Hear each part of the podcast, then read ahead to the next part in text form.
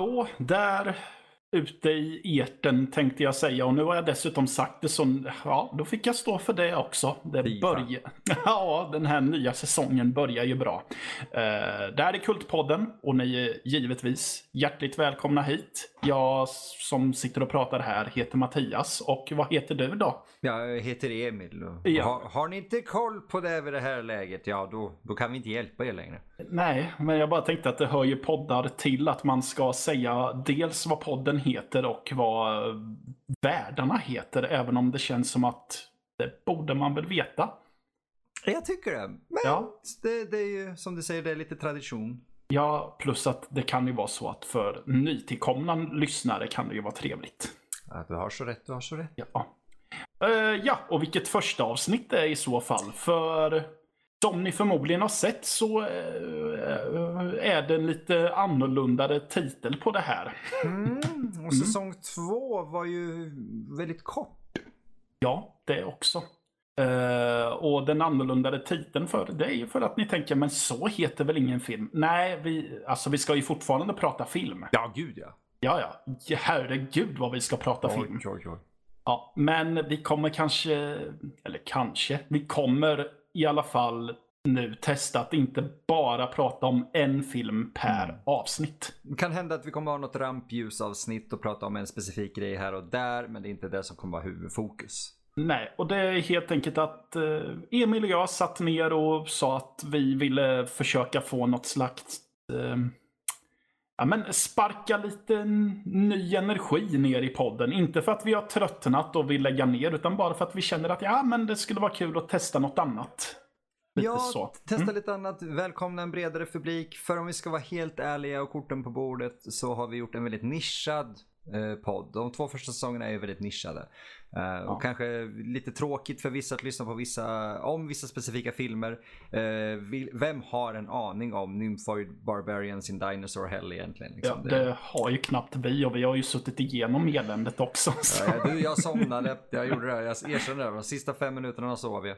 Just det, det gjorde du ja. Jag sov Just. nog ännu mer till och med. Men... Då är frågan om du är en bättre människa än mig på grund av det. Jag tycker du tekniskt sett är en bättre människa än vad jag är för att du faktiskt såg färdigt den. Ja, jo. Men ja. jag fick ut vila av mina fem minuter. Du fick ju bara ut huvudvärk. um... Ja, lite så. Um... Ja, men så vi, vi, vi testar det här nya. Och mm. det, ja, det kan vara rent tematiskt. Det kan vara att ja, men vi pratar om en filmografi om regissör X. Eller så mm pratar vi om något annat som faller oss in. Vi får helt enkelt se vad som händer. Ja, vi har ju faktiskt mm. fått ett par önskningar, lyssnarönskningar som har varit lite svåra att hantera av den anledningen. Uh, att det, det, har varit mer tematiskt eller så. En av dem har ju varit, det är inte det vi kommer prata om den här gången, men uh, alltså prata om vissa hela filmserier och sånt där. Mm. Uh, och ja, det kan, vi gjorde ju Feast exempelvis, det var ju tre ja. filmer som vi tog och bockade av i ett avsnitt, men det är för att ingen av oss har något vettigt att säga om filmerna som en film per avsnitt liksom. Så då var det lika mm. bra att ta alla tre. Precis. Uh, ja, men annars är det precis som du säger, det är tematiskt och det kan vara lite vad som helst. Och har ni fortfarande lyssnarönskningar får ni självklart skicka dem till oss. Så då, då kommer vi till och med lyssna på dem den här gången. Ja, det, vi har ju lyssnat på dem förut också. Ja, vi har ett par som fortfarande ligger faktiskt. Men, äh, ja, ja, jo. Äh, men... Vi är ja, medvetna det, om dem. Ja, ja. Det går definitivt att göra någonting av det. Vi kanske till och med gör ett avsnitt som heter lyssnarönskningar. Så... Oh, titta där, titta där. Exakt. ja, men... Uh... Ja, det var ju presentationen. Så nu Mattias, säsong 3. Vad ska vi öppna säsong 3 med? Ja, jag tänker att vi ska öppna säsong 3 med... Vi pratade om det lite off mic, att det kan ju vara fint för oss två i alla fall att börja säsong 3 med hur det började för oss innan vi egentligen började säsong 1. Ja.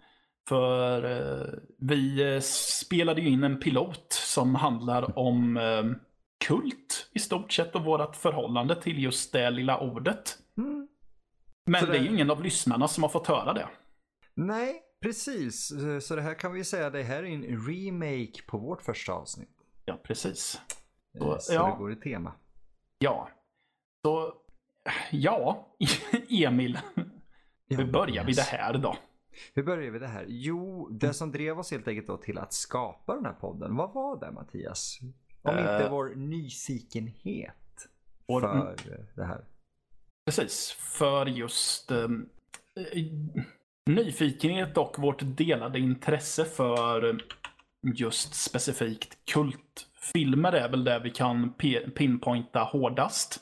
Oh, ja. Eh, men det är väl kult i allmänhet när det gäller populärkultur. Ja, när vi fann egentligen att vi tyckte om samma typ av spel eller åtminstone eh, delade passionen för, eh, ja som Mattias så fint brukar formulera det, som tiden glömt bort. Ja. Eh, allt ifrån FPS till peka klicka och böcker, vad samma sak det är och, och så. Och vi har ju hela tiden enats under här lilla paraplyt, eller man ska säga, det där parasollet av det bortglömda och det kultiga och sådär. Uh, och vi vill ju bara lyfta upp det lite mer. Ja. Så eh, ja, Mattias, om vi ska vara mer lösryckta i den här säsongen och lite mer flöt, flötiga höll jag på att säga. Flötiga. Blötiga. Ja, ja, vi ska sitta här alldeles inoljade tänkte jag säga. Om du inte häller buljong över dig innan inspelning så får du inte vara med. Jag tänkte mer frityrolja. Åh fy fan, det kommer lukta. Att det nästan ska lukta typ nyfriterat. Så vi måste, ska vi värma upp den eller ska det bara vara va- liksom olja? Eh, Jag vet inte, jag tänker typ hur det luktar i ett eh, sånt här hak i Belgien som Aj, serverar dubbel från, eh, dubbelfriterad pommes frites eller något sånt där. Alltså, jag, jag har ju varit där och käkat just dubbelfriterad pommes frites och det är ju jag, jag säger ju, jag, jag sticker inte under mattan med att det är de godaste pommes fritesen jag någonsin har ätit. Eh, men att få det serverat med majonnäs fick mig att vilja ta livet av mig lite grann. Eller rättare sagt, min kropp ville ta livet av sig. Ja. Ja, och Så jag, här, ja. jag är ju en förespråkare för majonnäs till pommes frites, så Åh, gud, det, det märker man ju hur mycket jag hatar min kropp. Vi, all, vi alla här, vi två alltså, hatar ju våra kroppar. Ja, men jag har för mig om att i den här ohörda piloten så pratade vi bland annat om hur just vi definierar ordet kultfilm. Mm. För det är väldigt... Ordet kultfilm dyker ju upp här och var och i olika fall. Ja, på olika användningsområden också Ja. har vi märkt. Det, för det dyker ju upp om man pratar om typ uh, Fulcis uh, zombiefilmer, typ City Mm. of the Living Dead, Beyond Zombie. Där kommer ju ordet kult upp. Verkligen. Och där skulle jag säga ja, som sig bör. Mm. Men den kan ju också dyka upp när det kommer till typ Pulp Fiction, eh, Mm. Scarface, eh, De Palmas Scarface om man ska vara noggrann. Jag tänkte att Hawks-filmen kan ju faktiskt ha lite kult Ja, bakom sig. så, ja, men här ja. är det De Palmas eh, Scarface. Eh, eller, eh, ah, jag kommer inte Vi, på. vi kan generalisera ännu mer. Star Wars. Ja, det också. Och den, det är intressant för att kult har så många olika innebörder men jag tror det är få som vet hur de ska definiera och använda det. Ja, för jag skulle nästan vilja säga att eh, Star Wars-varianten är vanligare. Mm. För att eh, jag tror att många ser uttrycket kult som, ja men det här är en legendarisk film. Ja, exakt. Lite så, eller en legendarisk eh, filmserie. Medans vi är ju mer av, jag tror att vi bägge två delar definitionen att nu ska vi se om man, hur man ska förklara det här på ett vettigt sätt. Men den film som eh, när den gick upp på bio så var det i stort sett ingen som brydde sig. Eller så vart den eh, eh, antingen var det ingen som gick och såg den eller så fick den bara skräprecensioner och tjänade inga pengar alls. Men att den sen eh, framförallt på videomarknaden fick en liten smal skara som likt en sekt började samlas runt den här filmen. Exakt så. Ja. Eh, och att den sen eh, lever, uh, att den då lever kvar i just eh, videomarknaden som sen blir DVD och sen så under tiden så får filmen ett bättre och bättre rykte på grund av den här eh, lilla sekten då. Eh, och Det är därför vi har filmer som typ Woodchipper Massacre på Blu-ray idag. Nu tror ja. inte jag att den faktiskt har en Blu-ray, men direkt till video, filmade på video i början av 90-talet har helt mm. plötsligt hamnat på Arrow-utgåvor eller Wingard Syndrome eller oh. ja, vilka som helst egentligen på, på Blu-rays. Och det hade inte skett utan de här små sekterna av fans. Nej, precis. Alltså nu är det ju till och med filmer som bara funnits på VHS-marknaden som typ uh, uh, Trapped Alive eller Chill Factor för den delen. Mm, uh, som nyligen har fått Arrow-släpp och det, oh, jag är ganska säker på att de bara existerade på VHS innan. Jag tror det. finns ju alltid så bootlegs och sånt på DVD, men officiella släpp är oftast bara VHS. Ja. Uh, vår kära vän Josh Hadley som gjorde, var det kommentatorspår på Trapped? Eller vilken var det han gjorde? Båda två. Båda Både två. Trapped Alive och Chill Factor Nej, så har kul. han och uh, Hank Carlson som jobbade på special jobbade med specialeffekter på bägge filmerna. Mm, De han... två gör kommentarspår. Precis. Uh, Hank uh, har ni som lyssnar kanske en intressant koppling till faktiskt på ett sätt. Uh, det här lite 60 degrees of Kevin Bacon om man säger. För att Hank Carlson gjorde även specialeffekterna i The Cinema Snob Movie. Mm. Och The Cinema Snob Movie är ju gjord av Brad Jones som då spelade den titulära karaktären Cinema Snob som började som en webbserie som flera av er säkert har sett om ni lyssnar på den här podden. Så ser ni, ni är kopplade till det här utan att veta om det. Uh, men ja, han jag glömde bort vad det var min poäng var. Men, uh, han hade ju en, jag antar att du skulle prata om det han hade i, var det i Fangoria? Eller uh, var det någon annan tidning? Där han skrev det här VH Yes. Ja, precis. Ja. Just det, för han påpekar ju där i den artikeln där att att eh, merparten av det som släpptes på VOS, eh, upp mot, jag vet inte hur många procent det var, men kanske så 70 procent, 60 procent, som släpptes på VOS släpptes aldrig på DVD. Nej. Och nu börjar vissa av de här, allting, alltså i mycket mindre skala, absolut, men vissa av de här sakerna som inte släpptes på DVD har nu släppts på Blu-ray. Ja. Vilket är sinnesrubbat. Ja, men, men fantastiskt. Uh, jag, jag, är ganska säker på att Trapped Alive var en av uh, filmerna han skrev om. Ja, jag vill säga att det är det som han var inblandad i, inte restaureringen, men ja, den processen ändå. Ja. Han hade ju en insight i den som gjorde att han då fick göra kommentatorspår på den. Ja. Jag har fortfarande inte lyssnat på det kommentarspåret. Nej, men du äger det i alla fall. Ja, jag äger det. filmen. Så. Mycket fint. Mycket fint. Mycket fint. Kan, vi kan rekommendera honom faktiskt. Om ni är intresserade så har jag han en sida som heter 1201 Beyond. Där uh, jag faktiskt, eller vi, förlåt mig.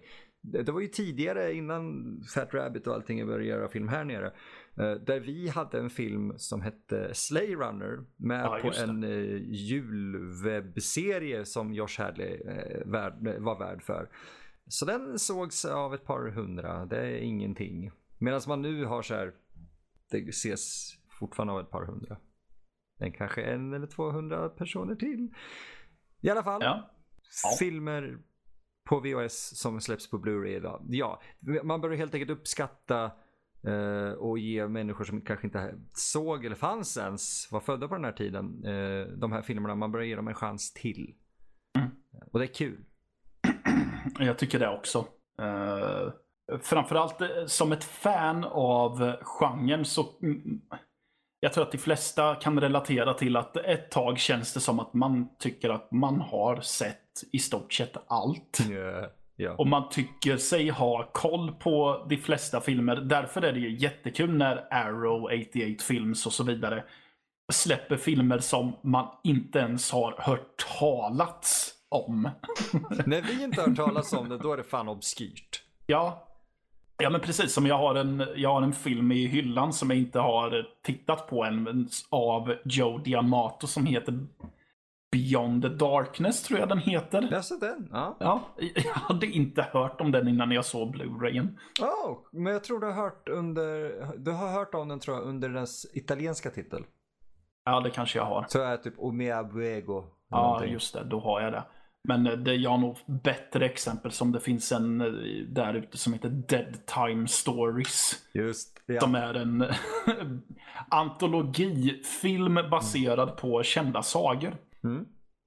I lite modernare, inom situationstecken, mm. eh, modernare eh, tappning. Jag har faktiskt hört om den men inte sett den. Nej, den är dum. men dum på ett sätt så att det blir puckad underhållning. Ja, men är det inte lite där många av de här kultfilmerna är egentligen? Eh, det, det, det blir det som blir problemet tror jag när någon du vet som eh, ser att det finns en publik för den här typen av film försöker återskapa det och göra det medvetet. Ja, jag skulle just säga det att ja, många är just som vi sa nu puckad underhållning. Men jag vill också poängtera att alla är ju inte puckad underhållning.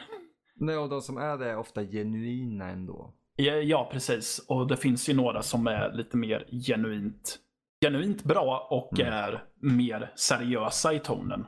Oh, ja. Men, eh, och det jag ska komma till att nu för tiden är det ju nu för tiden vet jag inte om det är så populärt, men under 2010-talets början så var det ju ganska populärt med hommager till uh, den här typen av film. Oh, ja. Uh, och då gjordes ju alla med ingången att ja, men vi gör puckad underhållning, för det var ju precis så det var.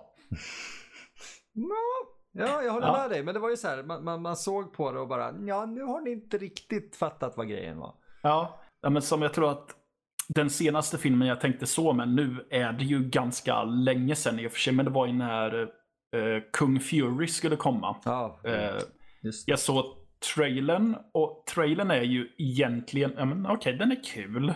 Mm. Så, uh, lite, ja det känns som en trailer till en inte så mycket av en 80-talsfilm, men typ som en direkt till video actionfilm på 90-talet. Mm. Mer. Um, men sen skulle de göra inte en långfilm, men en kortfilm av det. Och jag mm. såg trailern till det och då kände jag direkt att de här har nog tappat lite vad det är de gör hommage till. ja, för jag, jag, minns när den kom. Alltså, jag, jag, tror vi båda har full respekt för David Sandberg och teamet. Men ja, ja. Uh, det kändes just som det här ytliga, fejkiga. Man ska säga. Det blev mer den här uh, överdrivna 80-talsattityden än Stranger Things. Det blev mer Blood Dragon än Stranger Things. Ja, ja men precis. Och, och Stranger Things har definitivt problem i sin 80-talshommage också. Det är inte en ung jävel som skulle ha en The Thing-plansch på väggen under den här tiden. Men vi alla minns ju The Thing. Ja. Eh, den, den bombade när den kom. In, I, inget barn skulle ha den på väggen. Liksom. nej, det skulle det inte. För det jag kan nog säga att uh, det var inte... Gemene man gick inte runt och sa att de älskade The Thing. Eh, nej, det året var det E.T. som gällde och inte The Thing. ja, precis. För uh, The Thing var ju John Car då var det John Carpenters största flopp. oh. Det så, jag tror han blev så bitter efter det. Jag tror aldrig han läkte riktigt efter den. Ja. Som tur var så kom ju Big Trouble in Little China något år efter och roffade åt sig den titeln sen i alla fall. Så. Jag har faktiskt inte sett den än, äh? så det, det ligger nog någonting i det. Ja, det var spännande. Mm. Uh, den, den är väl vi kan väl säga så här att den hör väl till en sån film som eh, jag kan tänka mig att människorna bakom Kung Fury förmodligen tänkte på när de gjorde just mm. den filmen. För den är väldigt mycket, den har väldigt mycket typ puckad underhållning men den är gjord genuint ändå. Mm. Den är uh, inte gjord för att tilltala hommagen i sig så mycket som storyn och karaktärerna. Ja, precis, alltså de vill vara en uh, galen... De vill göra en galen fantasy i modern mm. miljö, om man säger så. Vad, vad, är, vad är det uh, Kung Fury vill? Ja, du, det vet jag. jag. Jag har inte sett hela kortfilmen. Oh.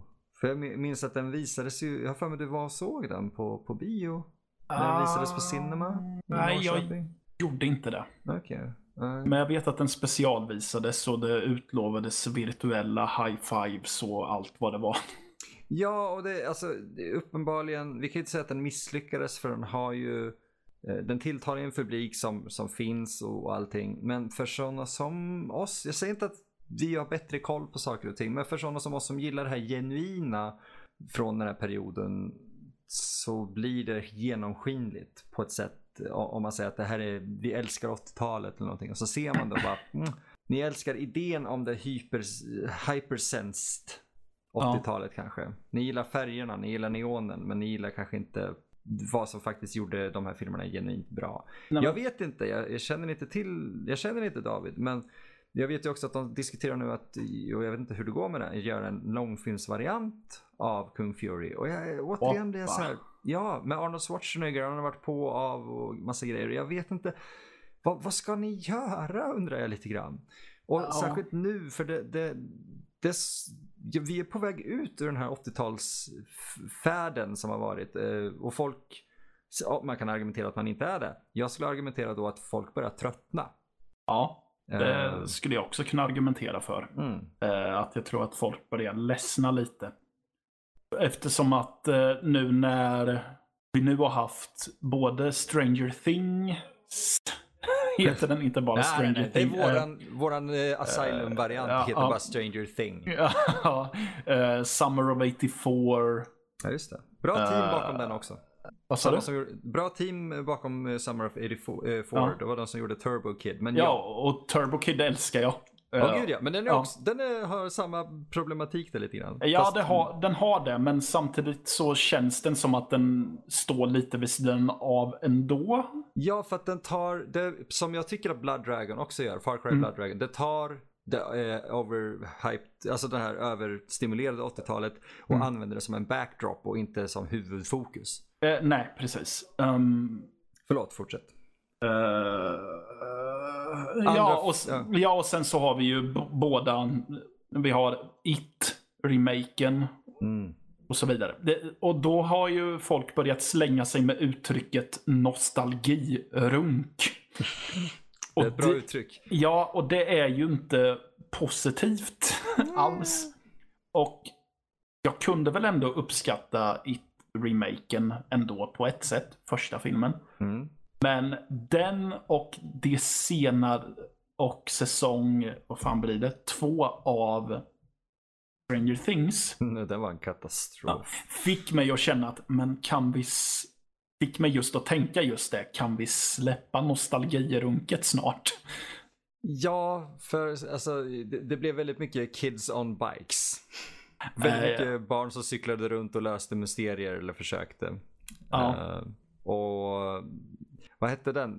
Uh, The Babysitter var ju också lite sån där, försökte skärma in sig med 80-talsstilen på ett ja, sätt. lite grann, men den utspelade väl sig i modern tid. Den, ja, exakt. Och den, jag tyckte mm. den använde sig av den här stilen rätt igen. Men, ja. men det blev också till slut att den lutade sig lite för mycket mot det och blev inte lika intressant som den hade kunnat vara. Mm, nej. Det blev schablon på schablon, men ja. sen hade den en, en liten twist, men den var inte lika intressant som resten av filmen. Nej, jag tyckte att den var det är en kul film tycker ja, jag. Och jag, jag får, får ändå ge cred för att, de, att eh, filmen fick mig med att sitta, sitta med hakan nere vid golvet. ja, det fick den mig att göra också. Jag kan erkänna det.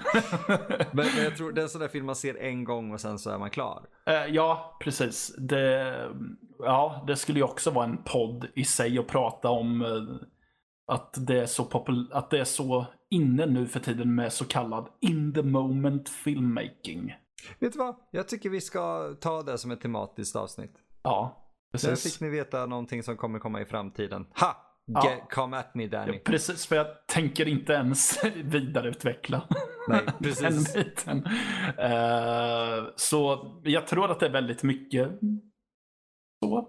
Ja. Att uh, uh, en gång jag är färdig filmer. Mm. Det, det, det, finns väldigt många sådana när, när de just lutar sig mot någonting och även om de är bra. Ja. Alltså, så här, jag har sett Serbian film flera gånger om jag har sett The Babysitter. Och, wow! Yeah. Precis, jag kanske inte behöver utveckla den tanken mer. jag har bara sett A Serbian film en gång. Jag vet, du skrev till mig när du hade gjort det. Ja, jag, jag vet. Yeah. Men jag borde... Jag har en del av mig som säger att jag borde se om den. Matte, när du kommer ner hit så ser vi om den. Ja, för jag... Helt ärligt så var jag inte redo för den när jag tittade Nej. på den. Jag trodde att jag var mer luttrad än vad jag var. Jag tänkte att ah, men jag har sett Caligula och jag, och jag har sett Salo så nu är jag redo för A Serbian film. Oh. Det, det, är så, det är så stort steg mellanrum mellan, mellan alla de där. Alltså, Ja. Jag älskar Caligula. Jag måste ha Caligula på Arrows Blu-ray. Ja, ja, ja. Det är helt oironiskt skulle jag nog sätta den bland mina favoritfilmer. Utan tvekan. Ja, Och återigen, koppling till Brad Jones. Han älskar, det är hans favoritfilm någonsin. Han har även soundtracket på vinyl, den galningen. ja Eh, precis. men jag tror Eh, inte någon säger att Serbian film är deras favoritfilm för att den är inte gjord för att vara någons favoritfilm. Nej. Eh, Det är ju inte underhållningsfilm på samma sätt. Mm, nej. Det är Den är inte. fantastiskt gjord är den. Ja, ja, ja. Det, det minns som- jag det som. Jag minns den som att, eh, jag minns att den har ett jävligt bra soundtrack. Åh gud ja, jag har haft det så många gånger i bakgrunden när jag städat. bra städmusik. Det är väldigt bra städmusik. Man Känns som hör att- det. Ja. Känns som att man får en jävligt bra pondus i städningen. Precis, det är nästan så att man har blivit drogad med hästdroger. Ja, men Det var en referens för er som inte förstår Ehm. till, till filmen. Men har, har det varit en trend nu att man har försökt att skapa kultklassiker helt Ja. enkelt? Mm. Jag tycker det. Ja. Funkar det att... Fun, går det att skapa en kultklassiker? Nej. Nej, Eh, det gör ju inte det. Det, vi, vi- har flera eh, bekanta, du och jag, gemensamma bekanta och sådär. Och även, vi känner till flera som är, eh, som skulle påstå motsatsen kan vi säga. Mhm. Och många av dem skulle, jag vet du känner inte till vilka det här är riktigt tror jag. Men, men det finns alltså folk som säger att man kan göra en, en du kan skapa en kultklassiker från grund och botten. Du kan säga att du är en kultfilmare. Hur? hur? Alltså, Det, jag, det går inte. Ja, alltså jag kan ju kalla mig själv för kultfilmare, men det är ju inte sant. Nej, det, det är det. Du behöver nödv- nödvändigtvis inte vara det. Och sätter du, ut, sätter du ut efter att göra en kultfilm, då har du redan skjutit dig själv i foten. För Ja. du, kan, in- du kan inte, precis som du inte kan återskapa eh, feel- feelingen från 80-talet med Kung Fury, så kan du inte återskapa eh, en, en kultfilm bara via att försöka efterapa de här grejerna som hände av ren slump Mm. när de väl skedde. Ja, men för ett eh, exempel är ju Attack of the Killer Tomatoes. Precis. Där skaparna sa nu ska vi göra världens sämsta film. Och det misslyckades ju inte eftersom att Ja, nu är det ju många som tror att det är världens sämsta film eftersom att de tror att det är en seriös film. Mm. Medans eh, alla som har sett filmen kan räkna ut med, en röv och en, med röven och en krita att det här är definitivt inte en film att ta seriöst. För det är så mycket bryta fjärde väggen och det är så... Det är för fan skämt i themesången. Film fan heter Attack of the Killer Tomatoes. Ja. Tar man det seriöst? Nej. Nej, alltså de sjunger... Om man lyssnar på texten så sjunger de om en snubbe som dör som heter Herman Farbage. Who was taking out his garbage. Ja, nej. Alltså, jag, återigen, jag beundrar det. Men, Ja. men det är ju det är inte en seriös film. Nej. Och jag har bara sett klipp från Attack of the Killer Tomatoes. Den jag sett från början till slut är Return of the Killer Tomatoes. Med ehm, George Clooney. Och där är det ännu mer uppenbart att det här är inte en seriös film. George Clooney är med. Liksom. Ja, men precis. Och de eh, eh, ändrar namn på läsken och ölen de dricker för att de har fått slut på pengar. Så de har inte, de har inte råd med sponsor, the sponsorship längre. What? Ja, Men det, det är så Det- kul metahumor. ändå. ja den, är, den har jättemycket metahumor. Den har också en, ett klipp e- innan eftertexterna drar igång där det är en tant som utger sig för att vara mamma till regissören och säger ja nu stannar ni tills eftertexterna är slut för min son har jobbat hårt på den här filmen. Alltså, nu gör ju inte min mamma det och jag hade, jag hade nästan, jag hade, jag hade skämts. Nu är det förmodligen en kul grej liksom, men Ja, ja, det är det. Jag hade ju blivit fucked up. Men du har vänner som menar på att du kan kalla dig för kultfilmare och du kan skapa en kultfilm ifrån grunden. Eller en kultklassiker. Ja, det är där Hur- problem... Hur menar de på att man går tillväga då? Jag vet inte, därför att för mig är det ju så att du kan ju bli en kultfilmare via att dina filmer som du gjorde för 20-30 år sedan, eh, 10 år sedan till och med, är kultklassare. Ja. För att de blev kultklassiker. Men däremot om du sätts out till att göra en Går du in med, med, med liksom medvetet och försöker göra en kultklassiker så jag, det, det, det går inte. Jag förstår inte hur man tänker. För Nej men alltså en kultfilm är ju någonting som blir. precis, du kan inte skapa det. Nej, du kan för då, inte, då måste det- du skapa publikens reaktion på filmen. Exakt. Vi, vi, vi, så här. Den, den absolut bästa versionen av Fantastic Four som finns är den från 1992? 90? Ja, Roger Corman. Exakt. Ja, Och det är en kultfilm på ja, flera sätt. Ja, det, ja, ja, lycka till att få tag i den. Exakt. Precis. Bara där. Den skulle aldrig släppas, den skulle aldrig ses. Eh, och den har blivit en kultfilm på grund av att den så var svår att hitta. Den skulle aldrig släppas, den skulle aldrig ses. Och den fick det här statusen och sen var den bra. Folk var Ja. genuint så förvånade. Och Mm. för grund av att det var så, så naiv, eller naivt, narrow och svårt att hitta den så blev det en liten kult omkring den. Vi, vi kan ju fan inte säga att den med Jessica Alba och, och Chris Evans och de där från 2004 eller vad det är, är en kultfilm. Nej. Det, det är ju snarare en skamfläck för många att, ah, minns du när vi tyckte att det var en bra film? Alltså, jag tycker fortfarande det är så småkul. Ja. Men det är ju inte bra film så sett. Nej, där är vi ju tillbaka till the moment filmmaking. Eh, precis, precis. Jag ser Ja. den fortfarande. Jag tycker fortfarande det kan vara kul. Men det är ju en blockbuster. Ja, jo, det är det ju förvisso. Um, och allt, men för på samma nivå har det ju att du kan på nyare filmer som hör till genren, ja men säg typ Terrifier, Revenge, Jesus. ehm, Puppet Master, Little Strike. Yeah! så kan man ju ibland se på Blu-ray-utgåvan att det står Mm. en blivande kultklassiker. Ja, dra åt helvete. Och, och där funderar jag på, hur vet ni det? Precis. Och det är egentligen inte något positivt att säga till filmen eller?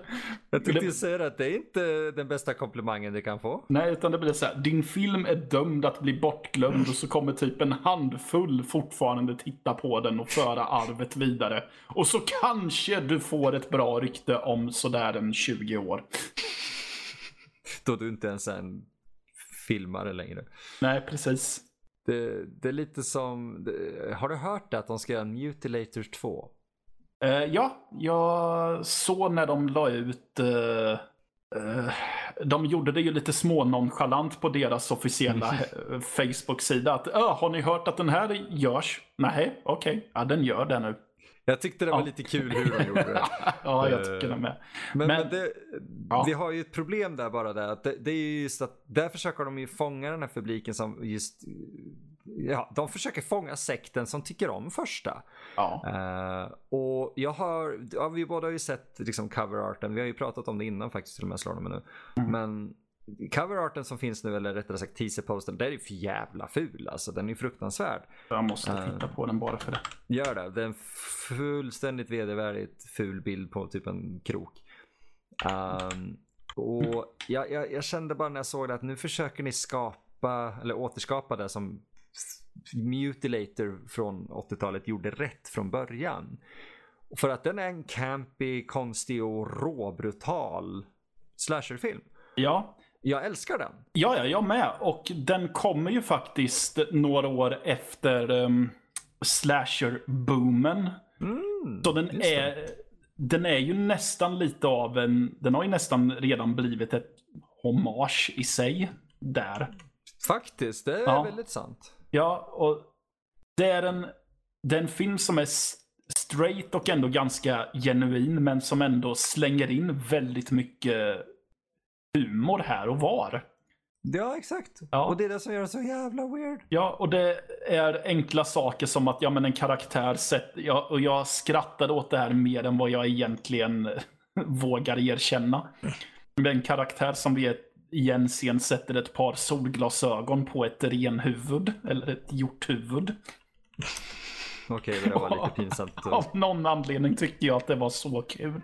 Men det, den gör så mycket weird grejer som är så kul. Alltså Ja. bara hur, hur allting börjar i den filmen är så konstigt. Mm. För det är väl, han, han ska säga, eh, det är ingen spoiler som det händer de första fem minuterna men eh, s- pojken som växer upp och som det handlar om sen ska, för att hans pappa fyller år, så här, putsa hans gevär.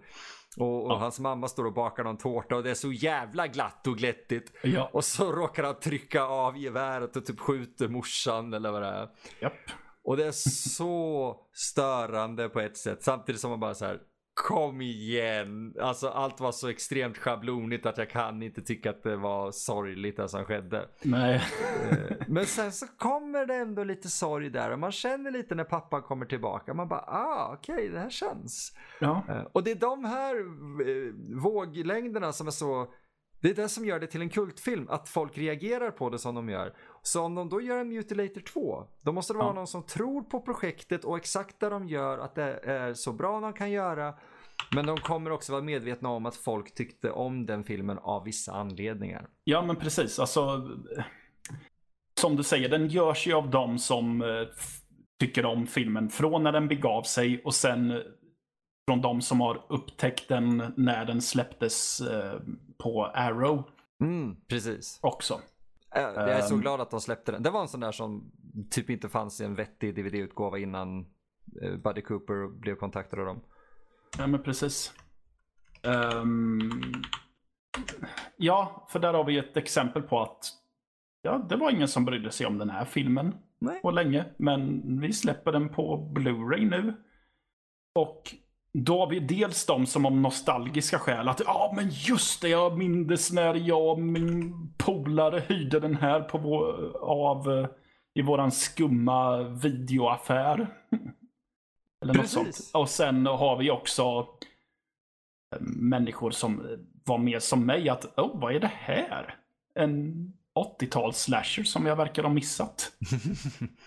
när, när både du och jag snubblar över 80-tals slash, för det är det, det, de har vi sett. Ja. Vi har sett i princip varenda som finns flera gånger om. Så när vi snubblar över en vi inte har sett, hmm, då blir man, man, blir lite, man blir lite exalterad. ja, men precis. Och Man jag minns. Mutilator var, ja, och Mutilator var verkligen en av dem som jag blev så här genuint överraskad över hur bra jag tyckte den var. Ja.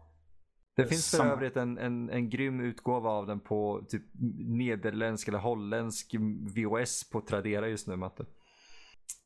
Menar du att jag måste Nej, gör inte. köpa en holländsk VHS? Ma Matte, det är regionsfritt. Ja, fast det är ju fortfarande en holländsk VHS. Ja, du kan väl spela, det- är det ett skämt eller? Jag vet inte. Nu hittade jag i alla fall Mutilator 2-loggan här och den är ju inte supervacker. Nej, den är ju inte det. Och det är det som det är så störande för att det känns som att de inte, du vet, de, de tar den här Rocktober Blood-grejen. Eh, Ja. Hörde du vad som hände med Rocktober Blood? Eh, nej, Eh, dra det gärna. Okej, jag kan dra en kort version av det. Därför att Rocktober Blood var en, en sån här slasher som kom och gick i mängden. Sen så skulle den eh, släppas på Blu-ray med en Kickstarter i ryggen och allting. Och den, den drog in tillräckligt med pengar för att göra det. Eh, det ska vara en ny remaster, du vet av negativ och allting. Mm. Det som sedan släpptes på Blu-ray, kan du räkna ut vad det var? Något helt annat. Det var, ja precis, det Mm. var en VHS-transfer. Mm. Uh, och med extremt lite extra material och det som fanns var i princip originalskaparna som ser ut att vara hundra år gamla. Uh, en man och en kvinna, hustru och man tror jag, eller ja, jag vet inte. Och de pratar istället om sin kennel. Eller typ sitt hunddagis som har blivit nedstängt uh, och sen öppnat igen och att de behöver pengar till det eller vad det var. Om man börjar då att, vänta här nu, vart tog mina pengar till Rocktober Blood Blu-rayn och uppföljaren eller någonting försvann till det här. För att det skulle Ja. göras en uppföljare. Och, eh, och uppföljarkampanjen gick totalt i stöpet. Konstigt. Mhm. Nej men det är som... Eh, Det finns en bortglömd uh, Gremlins rip-off som heter Beasties. What? Ja, uh, jag har inte sett den utan jag har sett två snubbar prata om den på YouTube. Två svenskar för övrigt. Va? Ja, precis. Shoutout. Uh, nu har jag glömt bort vad de hette. Sök upp dem. Uh, Inte du, utan publiken. Ja, det är en videoserie som heter Svartsudd kommer jag på nu. Som är Oh. kopplad till uh, Hatpastorns lik-predikan. Som är Ja. en uh, black metal-blogg som ni kan uh, titta på om ni, uh, läsa på om ni tycker att det är skojigt med black metal. Eller bara humoristiska texter om suspekta saker. Ja, för nu kommer jag ihåg att det var väl där vi satt och pillade med sist du var nere. Ja, men precis. De pratar om... eh, De har en video då, i den här... De kallar den för svartsudd. Det finns tre videos. Så i video nummer två pratar de om creepozoids och beasties. Och då säger de det att uh, av alla de har träffat i hela sitt liv så är det bara de två som har sett beasties. Den verkar jätteknäpp.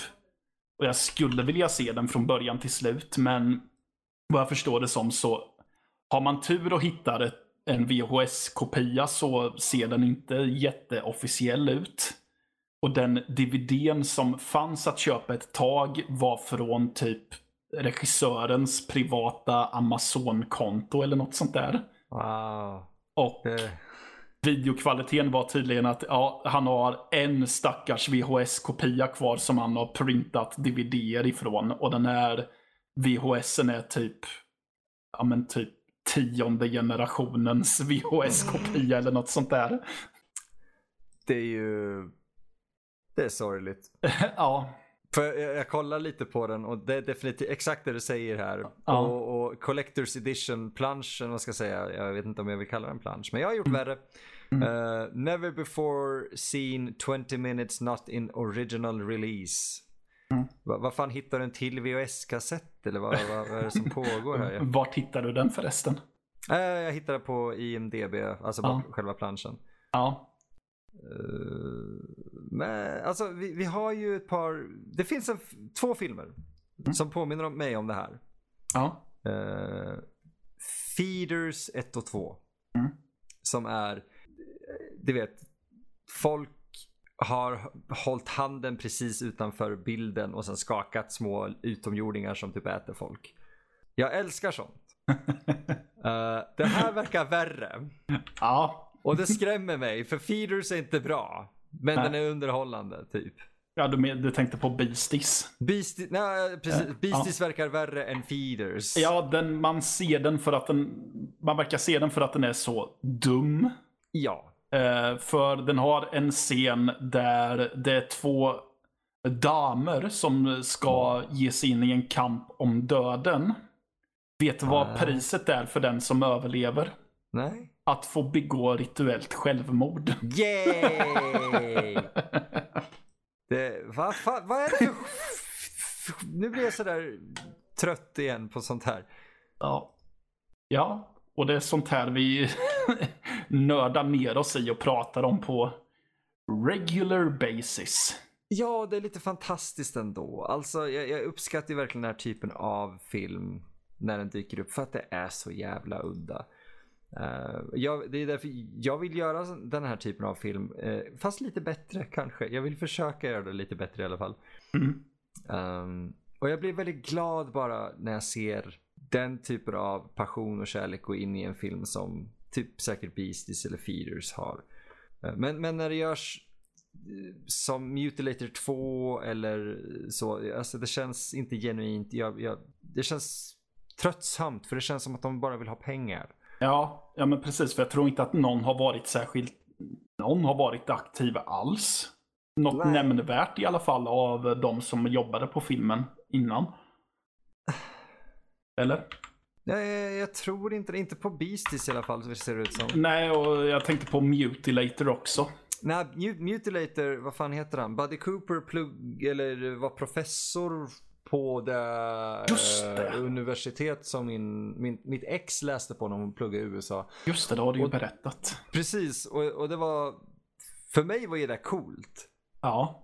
Men det är också så här. Jag kanske är den enda som har en koppling till det där universitetet på något vis som vet om det där. Ja, nej men på riktigt han, det är i stort sett det enda han har, han är krediterat på. Förutom att han, han, skött, han var boom operator på en kortfilm som hette No Time.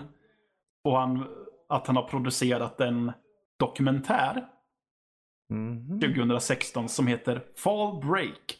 The Making of the Mutilator. Aha, ja. Ja.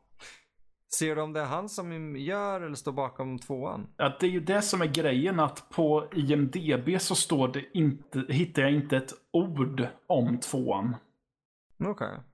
Hmm. Tyvärr. Ja, det är det. Vi vet ju inte hur legit det där är. Alltså någonting. Om det ens blir en två eller vem fan det är som har kommit på idén. Nej men precis, för det var ju något liknande för, eh, ja nu är det väl nästan tio år sedan. Eh, när du och jag grävde upp reliken Fantasmagoria igen.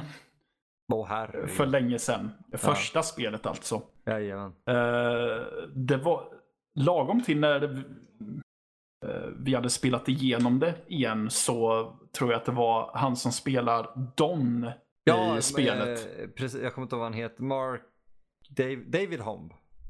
Eh, Ja, precis. Något sånt. Han var ju admin för eh, Fantasmagorias eh, eh, officiella sida och han började ju hinta om ett tredje spel. Mm. Det Och- minns jag nu. Ganska hårt ett tag. Sen gick det över till att han började lägga ut familjebilder och grejer och då gick det över till att, nej fast det var inte därför jag tryckte gilla på den här. jag, skrev ju med honom ett tag faktiskt. eh, Ja. För, för det var ju coolt tänkte jag. Wow, David Holm från Fantasmagoria, vad kul. Ja. Vad, vad har han gjort? Mm. Va, oh. det, han är... Jag vill inte säga patetisk för det, det tyckte jag väl inte riktigt. Men det var just, det här är det han gjorde för 20 år sedan och det är det han håller fast vid.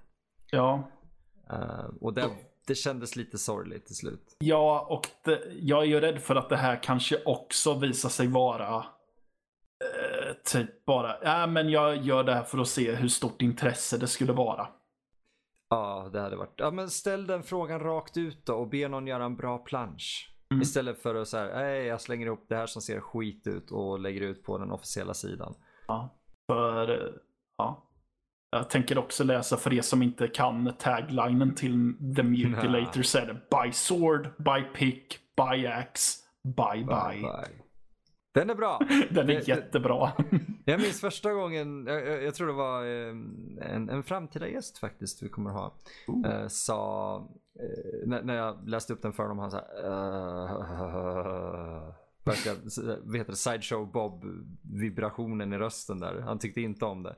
Men, Det är, det är jättecharmig ju. Jag tycker den är asskön. ja. ja. Men kan vi väl lugnt säga att vi är skeptiska för en uppföljare. Ja, utan tvekan. Jag tror inte på en uppföljare till The Mutilator. För Mutilator slutar väldigt avslutande. Ja, All, ska vi få en Prowler 2? Vi skulle ju ha fått en Maniac 2. men Ja, den, just tog det. ju, den tog ju faktiskt en helt annan riktning också än vad första gjorde. Så japp.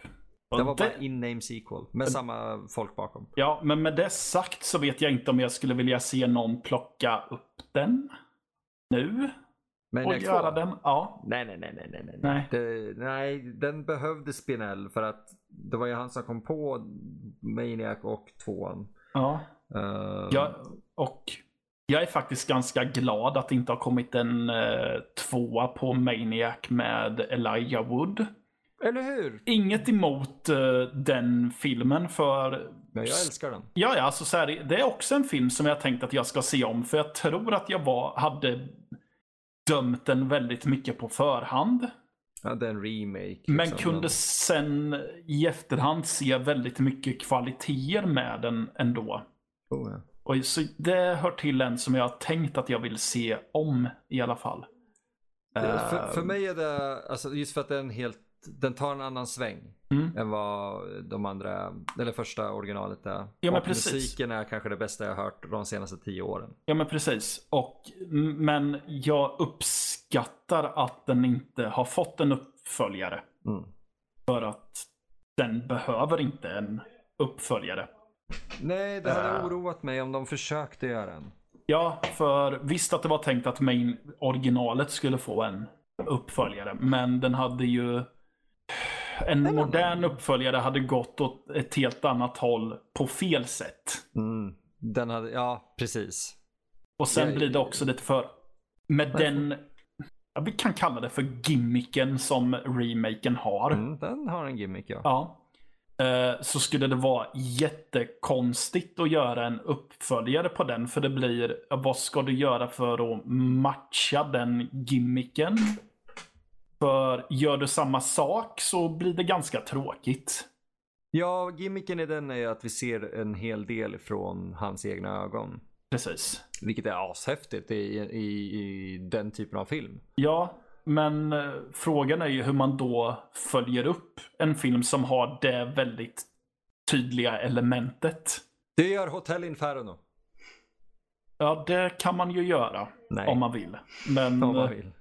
då får man gärna se till att göra det intressant.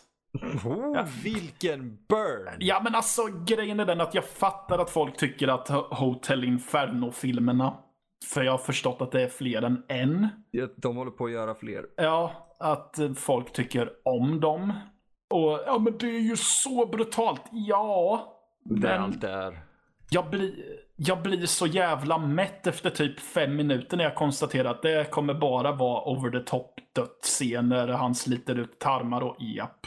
Ja, det finns, den har ingenting mer till sig. Jag minns ju Ja. att när jag såg den så hade du sett det redan och Mm. frågade Lisa, var det verkligen värt det? Du såg trailern? Bara, Ja. det, för jag såg den fyra gånger på fyra dagar. Ja, men ja. Ja, för jag hade Mm. fyra olika människor att visa filmen. Eller tre olika, för jag hade ju sett den en gång själv och sen, ja.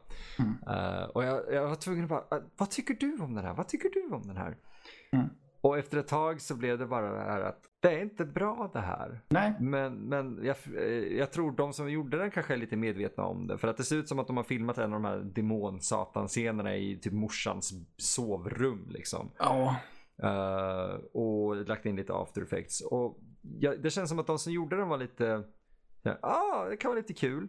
Mm. Men fansen och de som gillar det verkar inte ha förstått att det är nog så. Alltså att de har gjort en kul liten film. Utan mer, fan det är typ det bästa som har gjorts på hur länge som helst. Ja, nej, det tycker jag inte. Det är långt ifrån. Eh, en film som har en liknande grej som jag däremot tyckte om första gången jag såg den var eh, Hardcore Henry.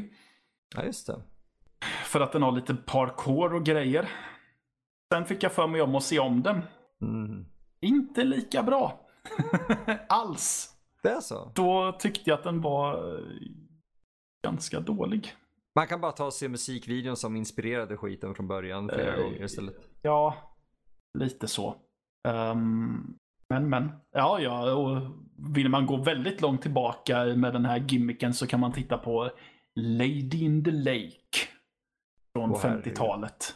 Ja nu tänkte jag, nu, nu är du verkligen Ja, ja. Det är en film noir som är filmad ur... ehm, eh, vad heter den? eh, POV. Eh, ja, men jag försöker komma på vad den detektivkaraktären heter. Det är någon Mm. jätte...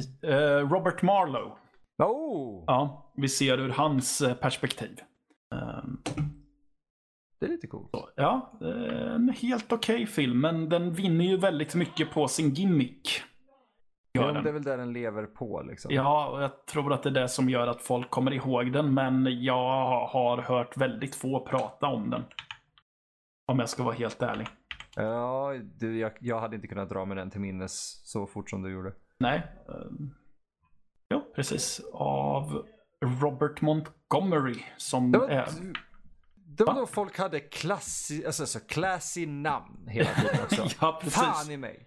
Ehm, han både regisserar och spelar huvudrollen. Oh, coolt. Ja, Men den är intressant, är den. Ja, Just- ja, ja, ja, ja. Eh, sen, ja, den är intressant väldigt mycket på grund av eh, att, eh, för, för den kör ju också på point of view-grejen, att eh, ser allt ur Robert Marlows perspektiv. Mm. Ja, okej, jag, tror, jag tycker vi ska ta en titt på sånt. Mer privat kanske, inte för en podd. Men mer du och jag kan titta på lite coola Robert Marlowe-filmer. Ja, precis. Coola Robert Marlowe-filmer. Det är ett poddavsnitt nästan i sig faktiskt. Ja. Men det låter lite mer matiné. ja, ja, ja. Så du ska ha Fredrik med dig i den båten och jag får bara sitta vid kajen och titta ut i horisonten och tänka ja, det hade kunnat vara jag. Mattias, du är den kajen vi förtöjer oss vid. det var ju fint. Uh, ja. Har vi något vet, mer? Ja, exakt, jag, jag var ja. inne på det. Jag tror inte vi har jättemycket mer just nu att, gå in på. Nej. Uh, kanske var ett lite Famligt avsnitt, rörigt. lite mm. hoppigt, mm. lite rörigt men vi, ja. Vi är vana vid en lite mer strukturerad form egentligen, tro det eller ej. Ja. uh, men om det är så att ni tycker om det här formatet så uh, snälla skicka, uh, en, lämna en kommentar, skicka mail till oss, våra sociala medier, vad som helst. Mm. Precis. Det, vi tar mer nu kan jag säga, framförallt tar vi mer än gärna emot feedback. Definitivt. För vi, eh, det är väldigt nytt för oss själva också. Och vi har inte riktigt vant oss vid tanken på att göra, göra det på det här sättet heller. Nej, det här är väldigt främmande ja. för oss. Så är det så att vi är helt eh, ute och cyklar, ja, ja då får ni ju säga det åt oss. Ja. Så, som sagt, eh, feedback. Eh, har ni det, Tycker ni att det är en bra idé? Tycker ni att det är en dålig idé? Så skicka till oss på antingen mattias.nordlivpodcast.se eller emil.nordlivpodcast.se. Ni kan, om ni vill, eh, om ni inte känner för att vara så direkt, så kan ni gå eh, till info.nordlivpodcast.se. Jag sa info nu va? Ja. Bra. eh, Annars vet inte fan var ni hamnar. Nej, för där, då ser nämligen våra redaktörer, eh, våra chefredaktörer det också. Och då kan de vidarebefordra det till oss. Eh, förhoppningsvis i alla fall. Eller så märker ni bara att podden försvinner och David blir sparkare. Det är ju det är ja. upp till er. Ja. Eh, annars så, ja. Eh, ge Ge gärna podden ett betyg på iTunes. Um, ja, snälla, snälla gör det. Vi ja. behöver se lite sån respons. Ja, uh, skriv gärna en recension vad ni tycker är bra, vad som är dåligt, vad som kan göras bättre, vad som borde skrotas helt. Umt så weiter, umt så weiter. Um, ja. Ni får hemskt gärna följa oss på sociala medier. Uh, Nördliv heter Nordliv SE på både Instagram och Twitter. Eh, känner ni för att titta in på vad jag och Emil pysslar med som, ja, det är trevligt. Det är några av er som gör det ibland har jag märkt. Det är coolt. Ja, det är Tack kul. för att ni gör det. Uh, det. Några av er har till och med skrivit några ord och det kan ni ju få fortsätta göra för det, ja, jag är blyg men det är fortfarande väldigt kul. Mm. Ja, men det är det. Ja. Det är väldigt roligt att få ja. uh, interagera med er som lyssnar och vi gör det med glädje. Jajamän. Och där heter jag att Rostigsked och Emil heter att Indie Emil. Men du ja. har väl en Twitter också har jag för mig om? Ja, och det är samma där. Att Indie Emil GBG där tror jag att det är. Oho, oho, oho. Mm, det var någon annan jävel som hade tagit Indie Emil tydligen. Vilket as. Uh, så, och ja, på sociala medier där kan ni också säga tankar och funderingar kring den här nya formen. Ja, jag tror ja. att det var allt. Yes, har du Usch. något du vill säga avslutningsvis här? Nej, egentligen bara att ni som har lyssnat genom säsong 1 och 2, tack så jättemycket för att ni följt med och att ni följer med oss vidare antar jag. Ja. Uh, oroa er inte, som sagt det kommer komma avsnitt som påminner om de gamla också. Men eh, får vi med lite nya lyssnare och så, jag, jag tycker vi ska välkomna dem med öppna armar. Så tack ja. så mycket och eh, Mattias, eh, en liten skål här. Ska, där är en liten skål. Ja. Till framtiden. Skål! Skål! ja. Du behöver inte drunkna i drycken. ja. Hej då! Hej då!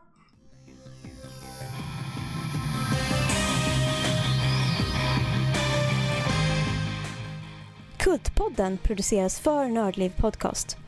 Medverkande är Emil Johansson Levin och Mattias Malm. Producent är Fredrik Olsson och musik av Max Löfström.